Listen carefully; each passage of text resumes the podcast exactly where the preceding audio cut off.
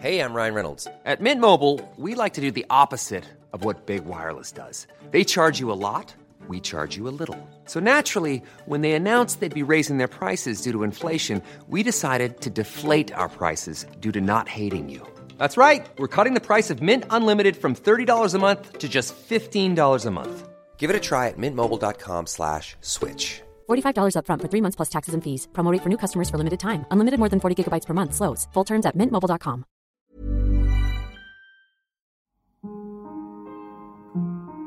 الشعور إنك ضايع أو ما تعرف شو تبي تسوي شعور زين. Oh wow. Okay أعرف شنو أحب. كان شعور غريب إني أنا أعرف شنو الشيء اللي أحبه. يحرقني قلبي إذا أشوف أحد ما قاعد يتعلم.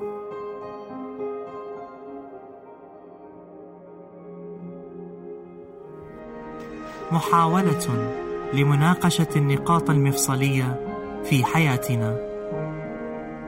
كلنا على سفر. هنا شبكة Kerning Cultures تستمعون لبرنامج فاصلة.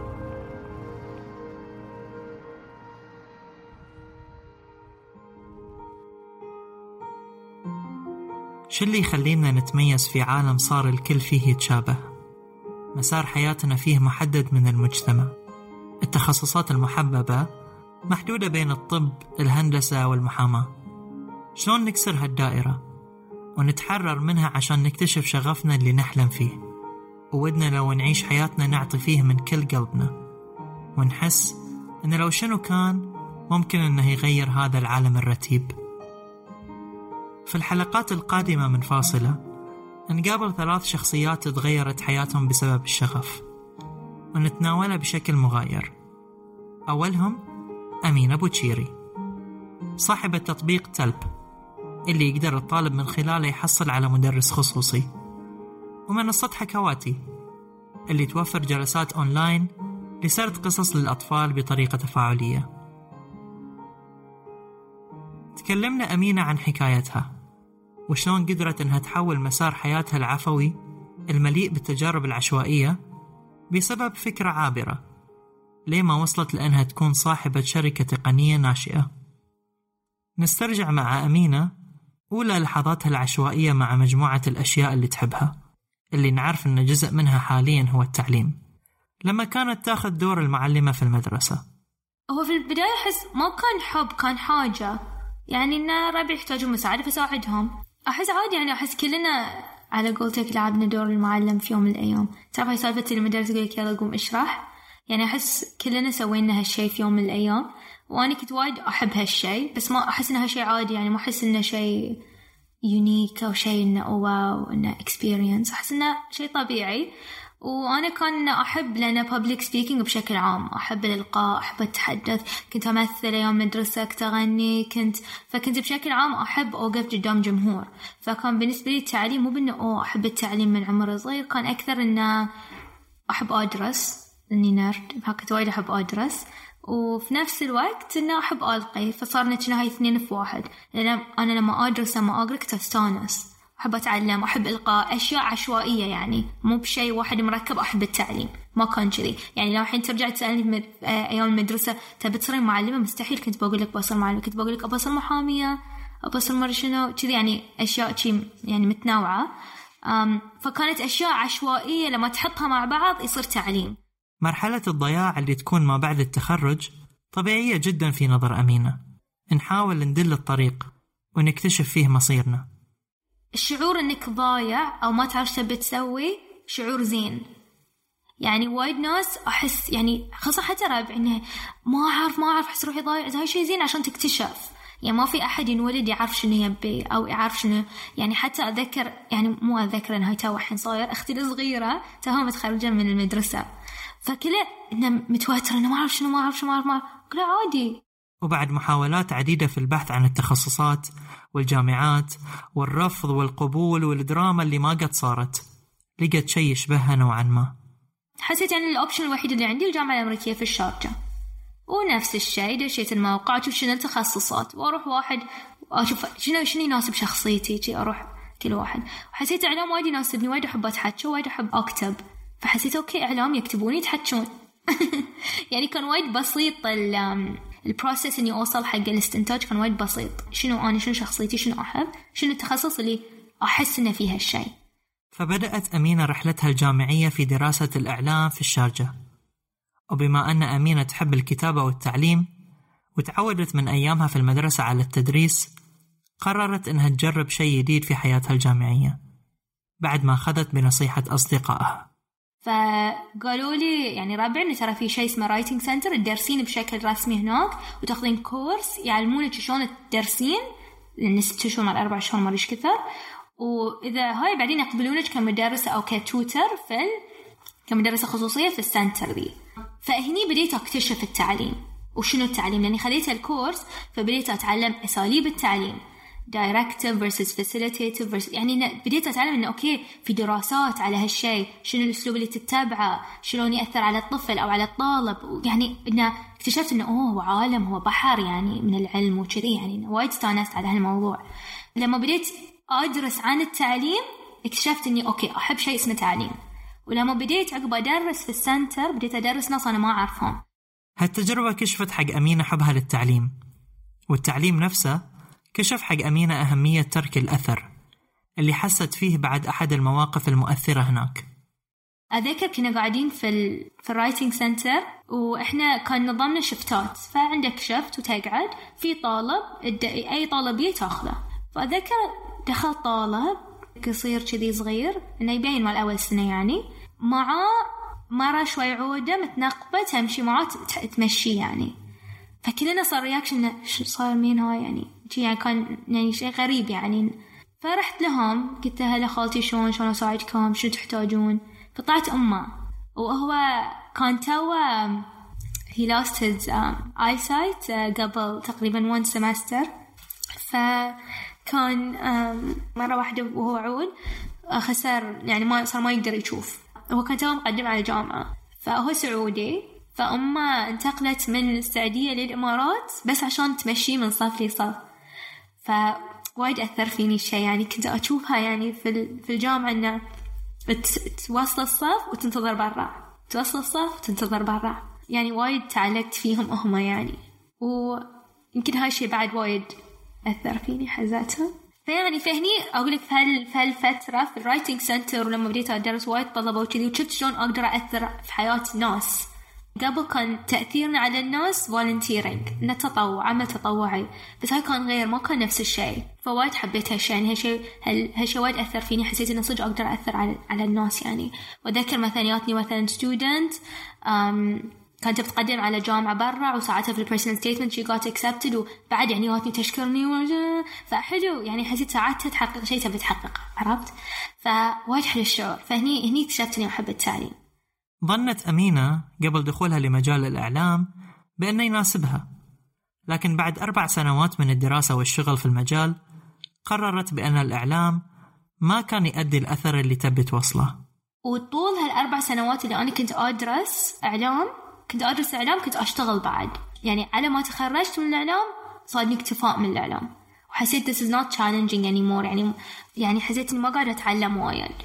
وحسيت إني وايد صادني أشياء خلتني ما أحب الإعلام وايد إنه حسيت ما في أثر يعني من الأماكن اللي اشتغلت فيها اشتغلت في شركات يعني تلفزيون ووايد وايد أماكن يعني. ما حسيت في أثر حسيت إنه في أجندة في أشياء لازم توصلها في أشياء لازم تسويها. ما كان satisfying ما كان fulfilling. وأنا لما أشتغل في شيء وايد أحط روحي وحياتي ووقتي وجهدي وكل شيء فيه. وايد get invested in it personally. فحسيت إنه الأثر اللي قاعد يطلع منه مو الأثر اللي أنا أبيه. وبعد التخرج توظفت في مجال البحوث اللي أتاح لها الفرصة أنها تبحث عن شغفها في شتى مجالات التعليم وعن الطرق اللي ممكن من خلالها تستخدم طاقتها في العطاء والتأثير. ما كنت أعرف شنو بسوي اشتغلت في في ال research في مجال البحث أو البحوث في الفترة وفي أول ما قدمت على الشركة يعطونك كنا survey يسألونك شنو المجالات أو ال sectors اللي أنت تحبهم. فأنا حطيت إن أشياء لها علاقة ب education وكنت كذا أقول حق مديري أي شيء له علاقة بتعليم أنا بشتغل عليه. وصدق كان يحطني في أي project علاقة في التعليم. project ات عودة project ات حكومية على مستوى الخليج وشي أشياء وايد عودة. فوايد تعمقت في المجال من ناحية ثانية. مو من ناحية التعليم بس من ناحية يعني government و structure واشياء ثانية. يعني من, من بديت أشوف التعليم من منظور ثاني. وكل ما بديت أبحث عنه أكثر بدأ يصيدني إن إذا أنا وايد مستانسة في هالشيء ليش قاعد أسوي شيء ثاني؟ إنه صادني شعور لي oh wow أوكي أعرف شنو أحب. كان شعور غريب إني أنا أعرف شنو الشيء اللي أحبه.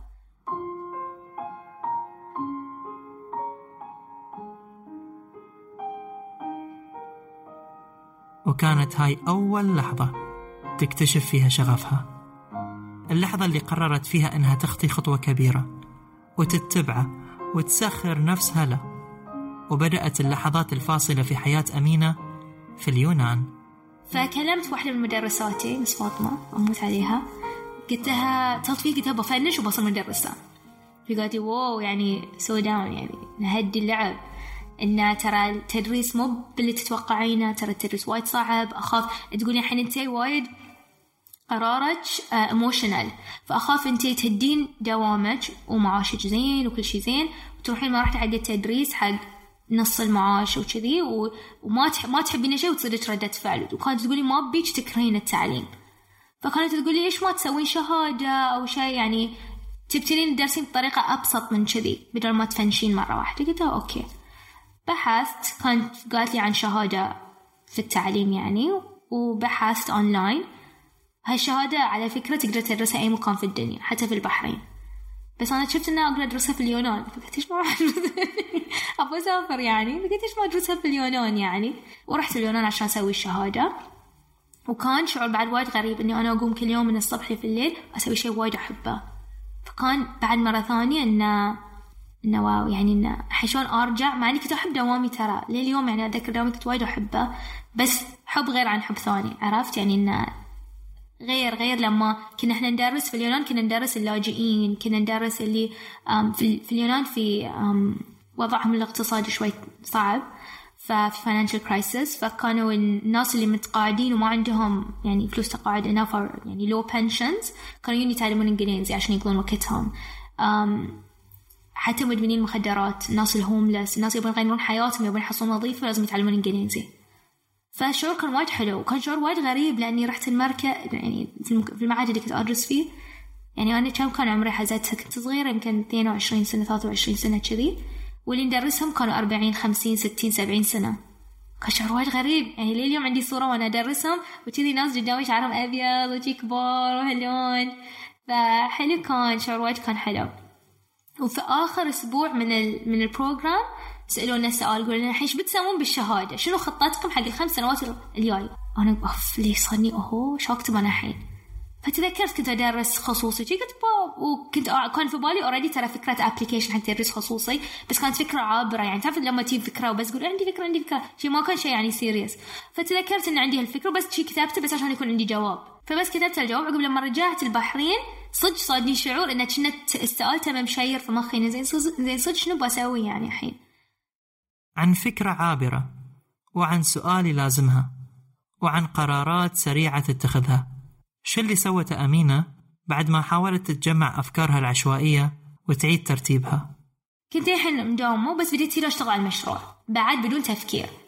يعني أنا شوي متهورة يعني إنه في هالأشياء إنه بس يا أسوي يا أسوي يا أسوي أحس إنه لأنه إذا وايد تفكر تحاول تجاوب على أسئلة وايد من وقت إن أنت تجاوب عليها أنت ما تعرف. لازم تجرب شوي عشان تعرف. يعني شنو هالشيء أنا ما قد سويت business application ما أعرف شنو هالشيء فما أقدر أنا اقعد أتعب روحي اقعد أفكر في أشياء أنا ما أعرفها. يعني خليني أدش شوي عقب استوعب فبديت أبحث كلمت ناس already عندهم applications وكذي عشان أستوعب الوضع. بديت أكلم مبرمجين بديت أسوي meetings وكذي. وبديت أشتغل على الموضوع سيدا بديت أم بديت أشتغل على تلبة هني يعني. و وكان أم كنت أكلم ياسر من ملاعب أكثر شيء.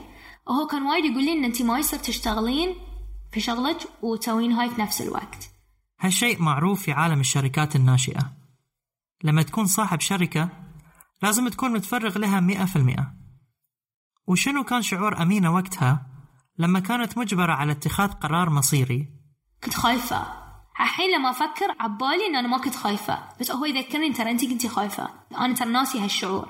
ناسي إن أنا كنت خايفة. ناسي إن أنا كنت مترددة. يمكن الحين أقول إن كان القرار كان سهل بس هو يذكرني تحديات ترى ما سهل لأن الواحد لما يتذكر أشياء أحس شوي ذكريات يمكن تخوننا. نتذكر مقاطع فما ما تتذكر كل المشاعر. فيمكن هو أحس إنه هو كان شيء سهل بس هو ما كان سهل. بعد المشاعر والتخوف والتردد انولد مشروع تلب. وعشان المشروع يكبر ويتطور اتخذت أمينة القرار المصيري اللي كانت متخوفة منه. لما شافت أن كل المعطيات توصلها له. قد كنت مقدمة على مسرعة أعمال. حصلت القبول. كان أول يوم حق مسرعة الأعمال بداية نوفمبر. وجهز ال application ستة 11 شيء كذي. فجهز ال application وقبلت في مسرعة الأعمال. لما تنقبل في مسرعة الأعمال تحصل تمويل. فحسيت ما يصير أوادم يعطوني فلوس وأنا قاعدة أداوم هني وهني. ما يصير يعني حسيت إنها هاي أمانة ولازم صدق يعني أحط كل وقتي في هالشي يعني. وبس فنشت قلت حق مديري. مديري كان already يدري عن كل هالسوالف يعني فما كان منصدم كان يدري. كنت أصلا أروح اراويه وكذي وأخذ رأي وهاللون. فقلت له قال لي بالعكس الله يوفقك وعطاني بعد كذي بونس عشان كتشجيع يعني حق ال business كان وايد وايد وايد ساعدني يعني. فبس حسيت إنه ما عندي any excuse ما عندي عذر. already عندي savings وعندي تمويل وأنا صغيرة. ما عندي يعني إذا ما باخذ هال هال risk الحين متى باخذه يعني؟ لازم بغير من حياتي. يعني قبل لما كنت أداوم تعرف على أول يعني أول مرة أكون يعني معاشي غير لما كنت student غير لما تكون أنت يعني موظف موظف. ففي البداية كنت وايد أدلع روحي أشتري أروح وايد كنت أدلع روحي. فأول ما فنشت حياتي تغيرت 180 درجة. كان شيء حلو يعني ما قاعد أقول لك شيء سلبي ترى كان شيء وايد حلو يعني هاي بروحها تجربة جديدة. بس حسيت إنه ليش لا؟ يعني ما ما في risk عود. شالت أمينة المسؤولية الكبيرة على عاتقها. ورحبت بالتغيير والحياة الجديدة على الرغم من الضغوطات اللي واجهتها. ليش ما أخاف من التغيير. أحب التغيير. يعني أنا خوفي ما كان خوف التغيير. كان تردد إن هل هاي الخطوة صح أو لا. يمكن بعد كان شعور تعرف إن لما توك بادي تشتغل الناس يقولون وين تشتغل؟ فهاي أعتقد كان again لي ذيك الحزة كنت الحين أفتكر ناس شو يفكرون. فكنت زين شلون يعني بروح بيت يسألوني وين أشتغل؟ أقول لهم عندي application شنو يعني؟ يعني ما ك... ما كنت أبي أحس إني أنا فاشلة.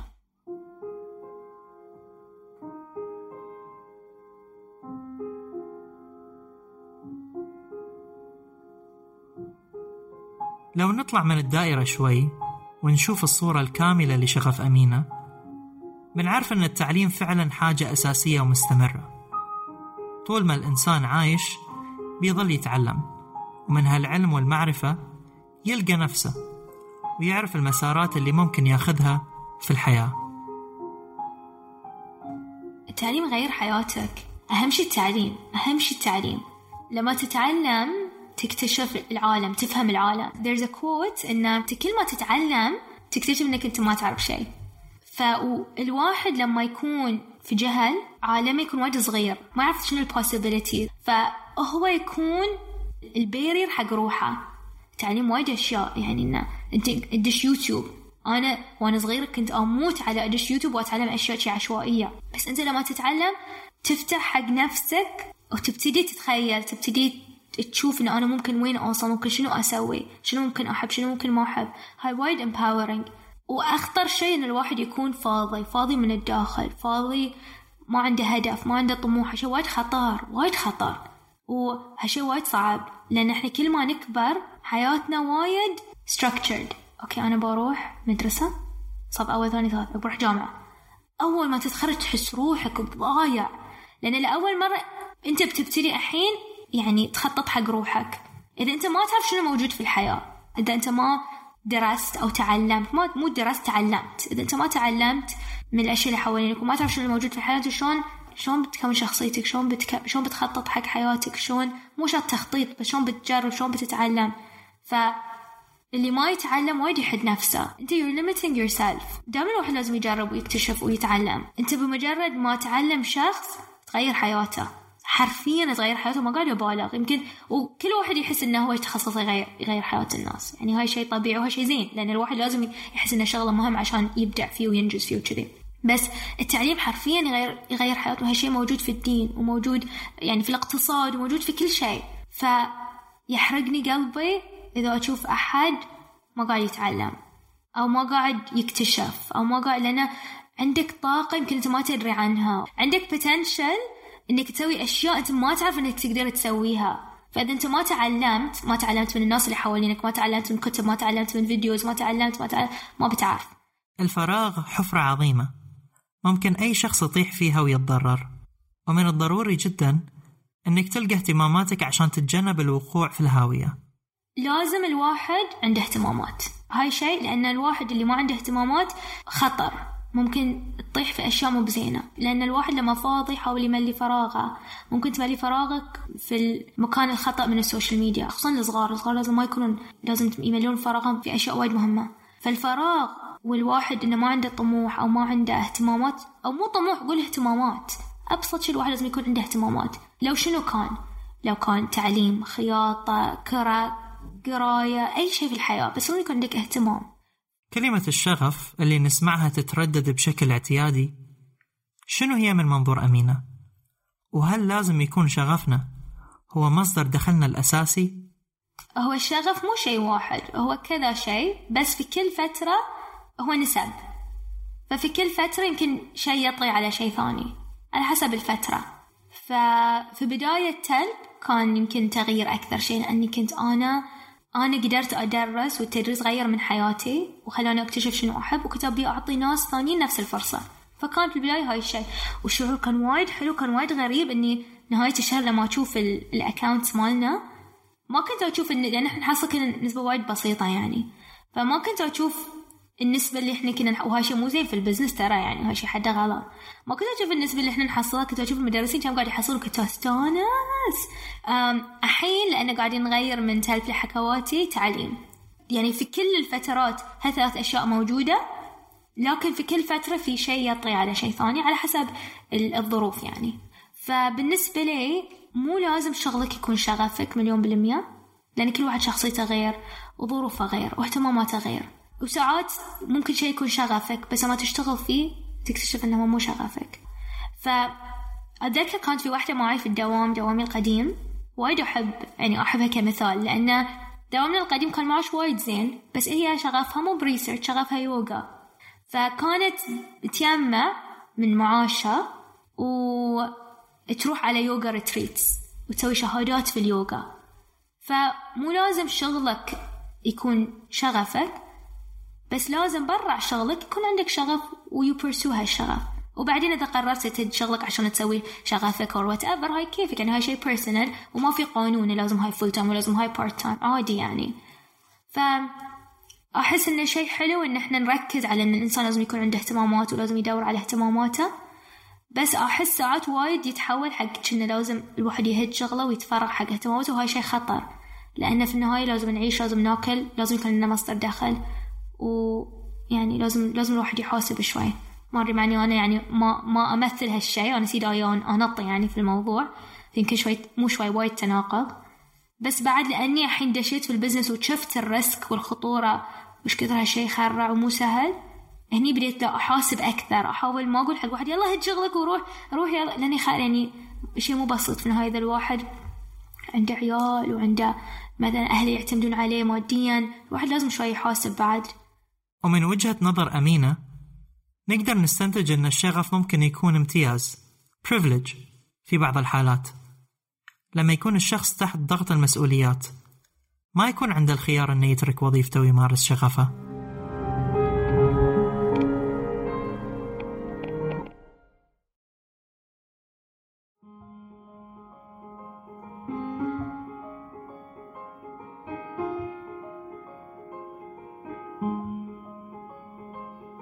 تكلمنا من بداية الحلقة عن تجربة أمينة مع التعليم من مختلف النواحي. بس شلون انبنت مراحل هذا الشغف وأخذت منحنى ثاني مع أخوها الصغير؟ حبي حق التعليم قبل في البداية كان أشياء عشوائية تركبها مع بعض يصير كنا شيء قالب التعليم. عقب صار لا كانت صارت تجربة حببتني في التعليم. عقب صار يعني تعمقت في المجال بديت أفهمه أكثر فحبيته أكثر. عقب صار درست الشيء فصرت professional فيه أكثر. الحين مع أخوي صار صارت تجربة personal شخصية. فكلها أفكر شلون ممكن أعلمه هالشيء. وكلها أفكر فيه ما أفكر فيه في التعليم من ناحية إنه مثلا عربي إنجليزي رياضيات لا أفكر مثلا إنه أخوي لازم يعرف يقرأ الوقت يعرف يتعامل بالفلوس يعرف أشياء حياتية أكثر. لما يقرأ شيء الاستيعاب في القراءة. وهذا شيء صعب الكومبرهنشن يعني. وتحولت الفكرة إلى مشروع حقيقي ملموس وصارت أكثر من مجرد تجربة شخصية وطموح وأهداف. لكن ما كانت أمينة تعرف شيء وكان كل شيء جديد وغير مألوف من مسميات وخطط ومصطلحات وغيرها. ما كنت أعرف شيء. أول ما بديت ما كنت أعرف ولا شيء. ما كنت أعرف إني قاعدة أبتدي business لهالدرجة ما كنت أعرف يعني من كثر ما حزتها ما كنت أفكر كنت سيدا يا أسوي الشيء مو مستوعبة أنا إيش قاعدة أسوي؟ يعني شنو؟ بالي بسوي application بسوي application ما كان أفكر فيه إنه هو business أتذكر حتى اليوم اللي استوعبت إنه هو business كان يضحك كنت قاعدة أتذكر شي في حجرة في غرفتي وقاعدة أشتغل وقاعدة أحسب وكذي. استوعبت إنه أوه هاي business ويمكن أحتاج أكلم مستثمرين وهاي كان شيء كان شيء وايد متخوفة منه. مين أنا عشان أروح أطلب من مستثمر فلوس؟ وهالكلمة تخرع شنو مستثمر؟ قاعدين بمسلسل عرفتوا يعني شنو الشركة؟ شنو شيء غريب. يعني هاي أشياء مو ما كنت أشوفها في حياتي. كان شيء يعني أحسه فيلم. فكان شيء غ... شيء شعور غريب. كنت أحس روحي صغيرة. ما كان عندي ثقة في نفسي. لأن المجال وايد جديد.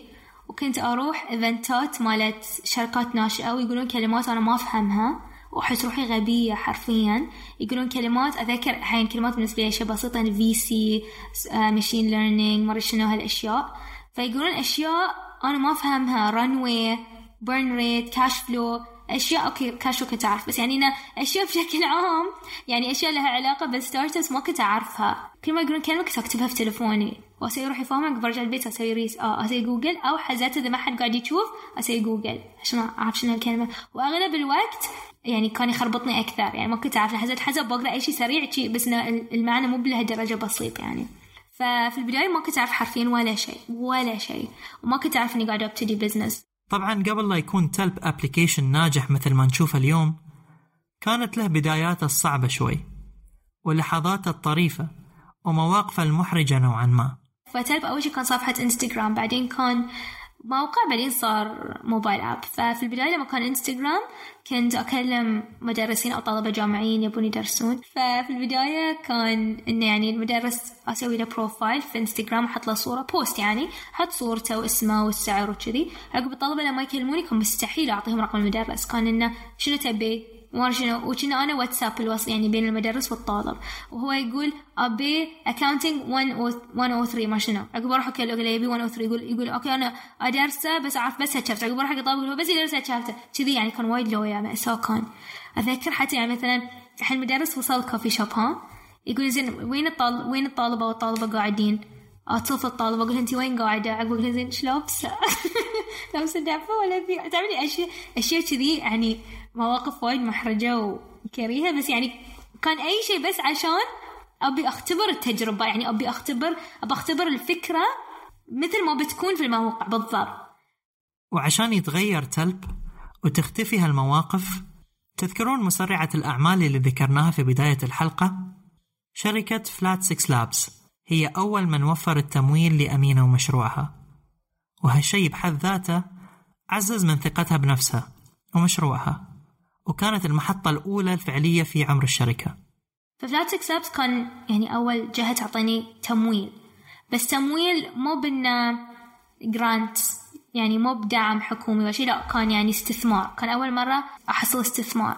ف يعني هاي عطاني ثقة في نفسي. ولما دشيت البرنامج وكنا إحنا one of the top companies على حسب كلام اللي يشتغلون يعني هناك هاي عطاني ثقة في نفسي أكثر إنه لا والله إحنا ماشيين في الطريق الصح. أو مثلا كانوا يسألوني أسئلة اشياء إحنا already مسوينها. ف كنت أحس أوه أنا already سويت هالشيء فمعناته قاعدة أسوي شيء صح. ما أعرف شنو اللي قاعدة اسويه صح بس أحس إني ماشية في الطريق الصح. فكان Flat Six for me was validation إنه okay قاعدة أسوي شيء صح وفي أحد يثق فيني وان أنا مسؤولة. يعني بالنسبة لي Flat Six محطة ثقة. وبعد ما أمنت التمويل كانت الخطوة اللي بعدها إنها توظف وكانت من الخطوات الصعبة عليها. فأنا أول ما بديت تلب كان أصعب شيء بالنسبة لي إني أوظف. ليش؟ شيئين. أول شيء ما في ثقة مين بيشتغل معي؟ يعني مين يبي يشتغل في startup؟ شنو تلب يعني؟ مين مين يبي يعني كان عندي ما كان عندي ثقة في نفسي أو في الشركة أو في هاي. يعني حسيت إن no one wants to work at a startup هاي كان my perception في البداية. وشيء ثاني المسؤولية. كل شهر لازم أدفع معاشات. كان شعور غريب الحين أنا كنت أحصل معاش الحين لازم أنا أدفع معاش. شنو شنو يعني؟ شلون؟ كان شعور غريب. وشيء بعد خوف ثاني أخاف أظلم أحد بالغلط. يعني الله يلعن الإنسان الظالم. ولما أنت تكون مسؤول يعني في مجال إنك تظلم. بالغلط أو مو بالغلط. فأنا كنت وايد أخاف أظلم أحد بالغلط. وما كنت أبي أظلم أحد. هاي كلها هاي كلها مخاوف يعني في البدء. وللحين لليوم يعني مع كل تعامل أخاف. هل أنا قاعدة أظلم هالشخص؟ هل ما قاعدة أظلمه؟ هل أنا في حقه ولا يعني كذي. فمسؤولية وايد عودة. ولكن تخطت هالعقبة وقدرت تكون فريق ينحط على الجرح يبرى وكان مهم جدا أنها تحصل على شريك تقني مؤسس وعلاقتها معاهم من أحلى العلاقات. يعني وايد نتعلم من بعض وايد نساعد بعض ووايد أؤمن بأهمية شريك مؤسس. وايد appreciate خالد. البلوشي ال co-founder وايد وايد وايد يعني وايد نتعلم من بعض. وايد we balance each other out. حتى من ناحية personality وكذي يعني إنه أنا مربوشة أكثر هو patient أكثر وكذي وتحتاج تحتاج يعني تحتاج هال balance ف already being a founder أو إنك تكون حتى ترى عندك شريك مؤسس it's very lonely. بس إنه ما يكون عندك شريك مؤسس أخس. على الأقل لما عندك شريك مؤسس تقدر يعني في أحد يشاركك في في الجيرني تقدر تقول. في عالم ريادة الأعمال شخصية المؤسس لازم تكون مركبة بطريقة غريبة شوي بين الهدوء والإقدام. ولهالسبب تغيرت شخصية أمينة شوي. أحاول أصير أهدى لأن مو إني دشيت في ال business فصرت أهدى ال business يحتاج أكون شوي هادئ. فبالعكس هالشي صعب علي لأن أنا مو هادئ آه، في البداية كان أصعب فحكواتي وايد تعلمت أكثر. يعني تعلمت وايد من تلب. فطبقت كل هالأشياء في حكواتي. فحتى الحين في حكواتي ما باي بسوي قرار أوزنه أكثر. ما أبي أعيد أخطاء سويتها مثلا في تلب فيتطلب الواحد يعني شوف ال business غريب لأنه يحتاج واحد يكون جريء و risk taker بس في نفس الوقت يحتاج واحد يوزن قراراته وفي نفس الوقت يحتاج ركود في بعض الأحيان أو في الكثير من الأحيان. فكنوري أحتاج إني أركد أكثر فقاعدة أحاول أوصل لهالشيء وأحس إني شوي شوي قاعدة أوصل له. يعني لو كلمتني قبل سنتين بكون وايد مربوشة أكثر.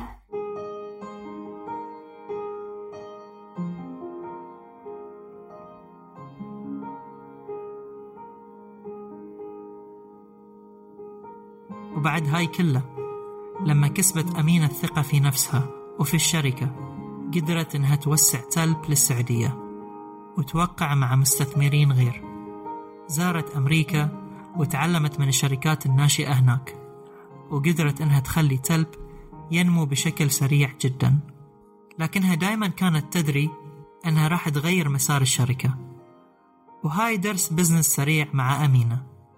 I always knew إن تلب would pivot بس في فرق بين pivot و iteration.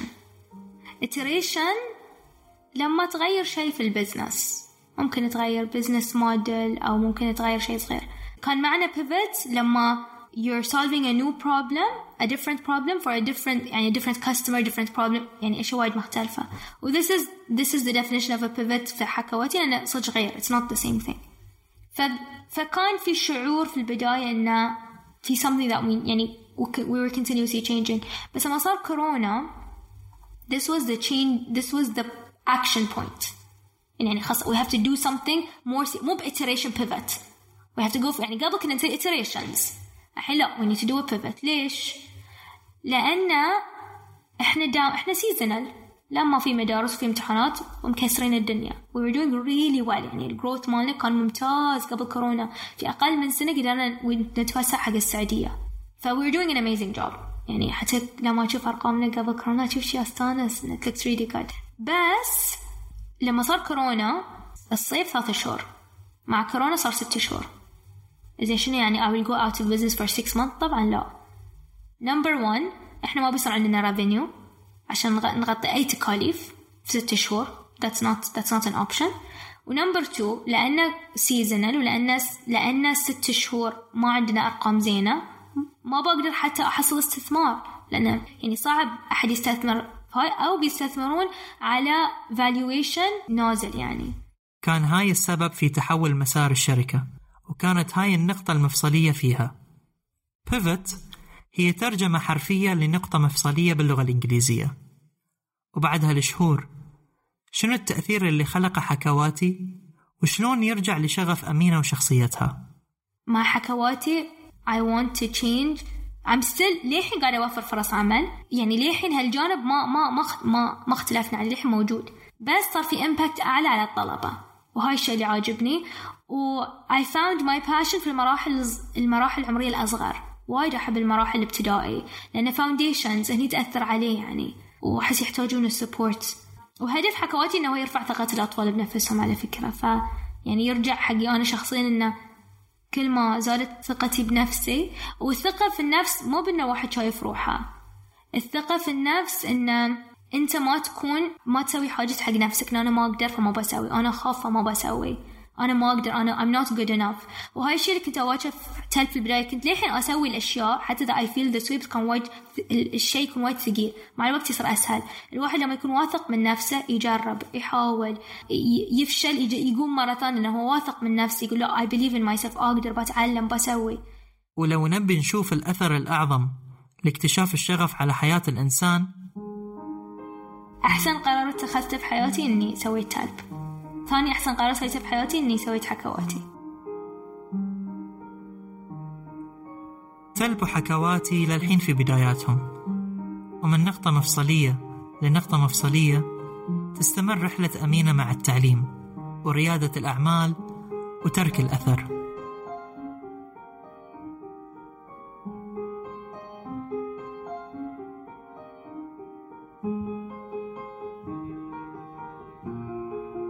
كانت هاي الحلقة السادسة من فاصلة وأولى حلقات الشغف. من إعدادي وتقديمي أنا محمد جعفر تحرير زين البستقي الهوية البصرية من تصميم هاجر الدغيمي والتأليف الموسيقي لكوثر مصطفى.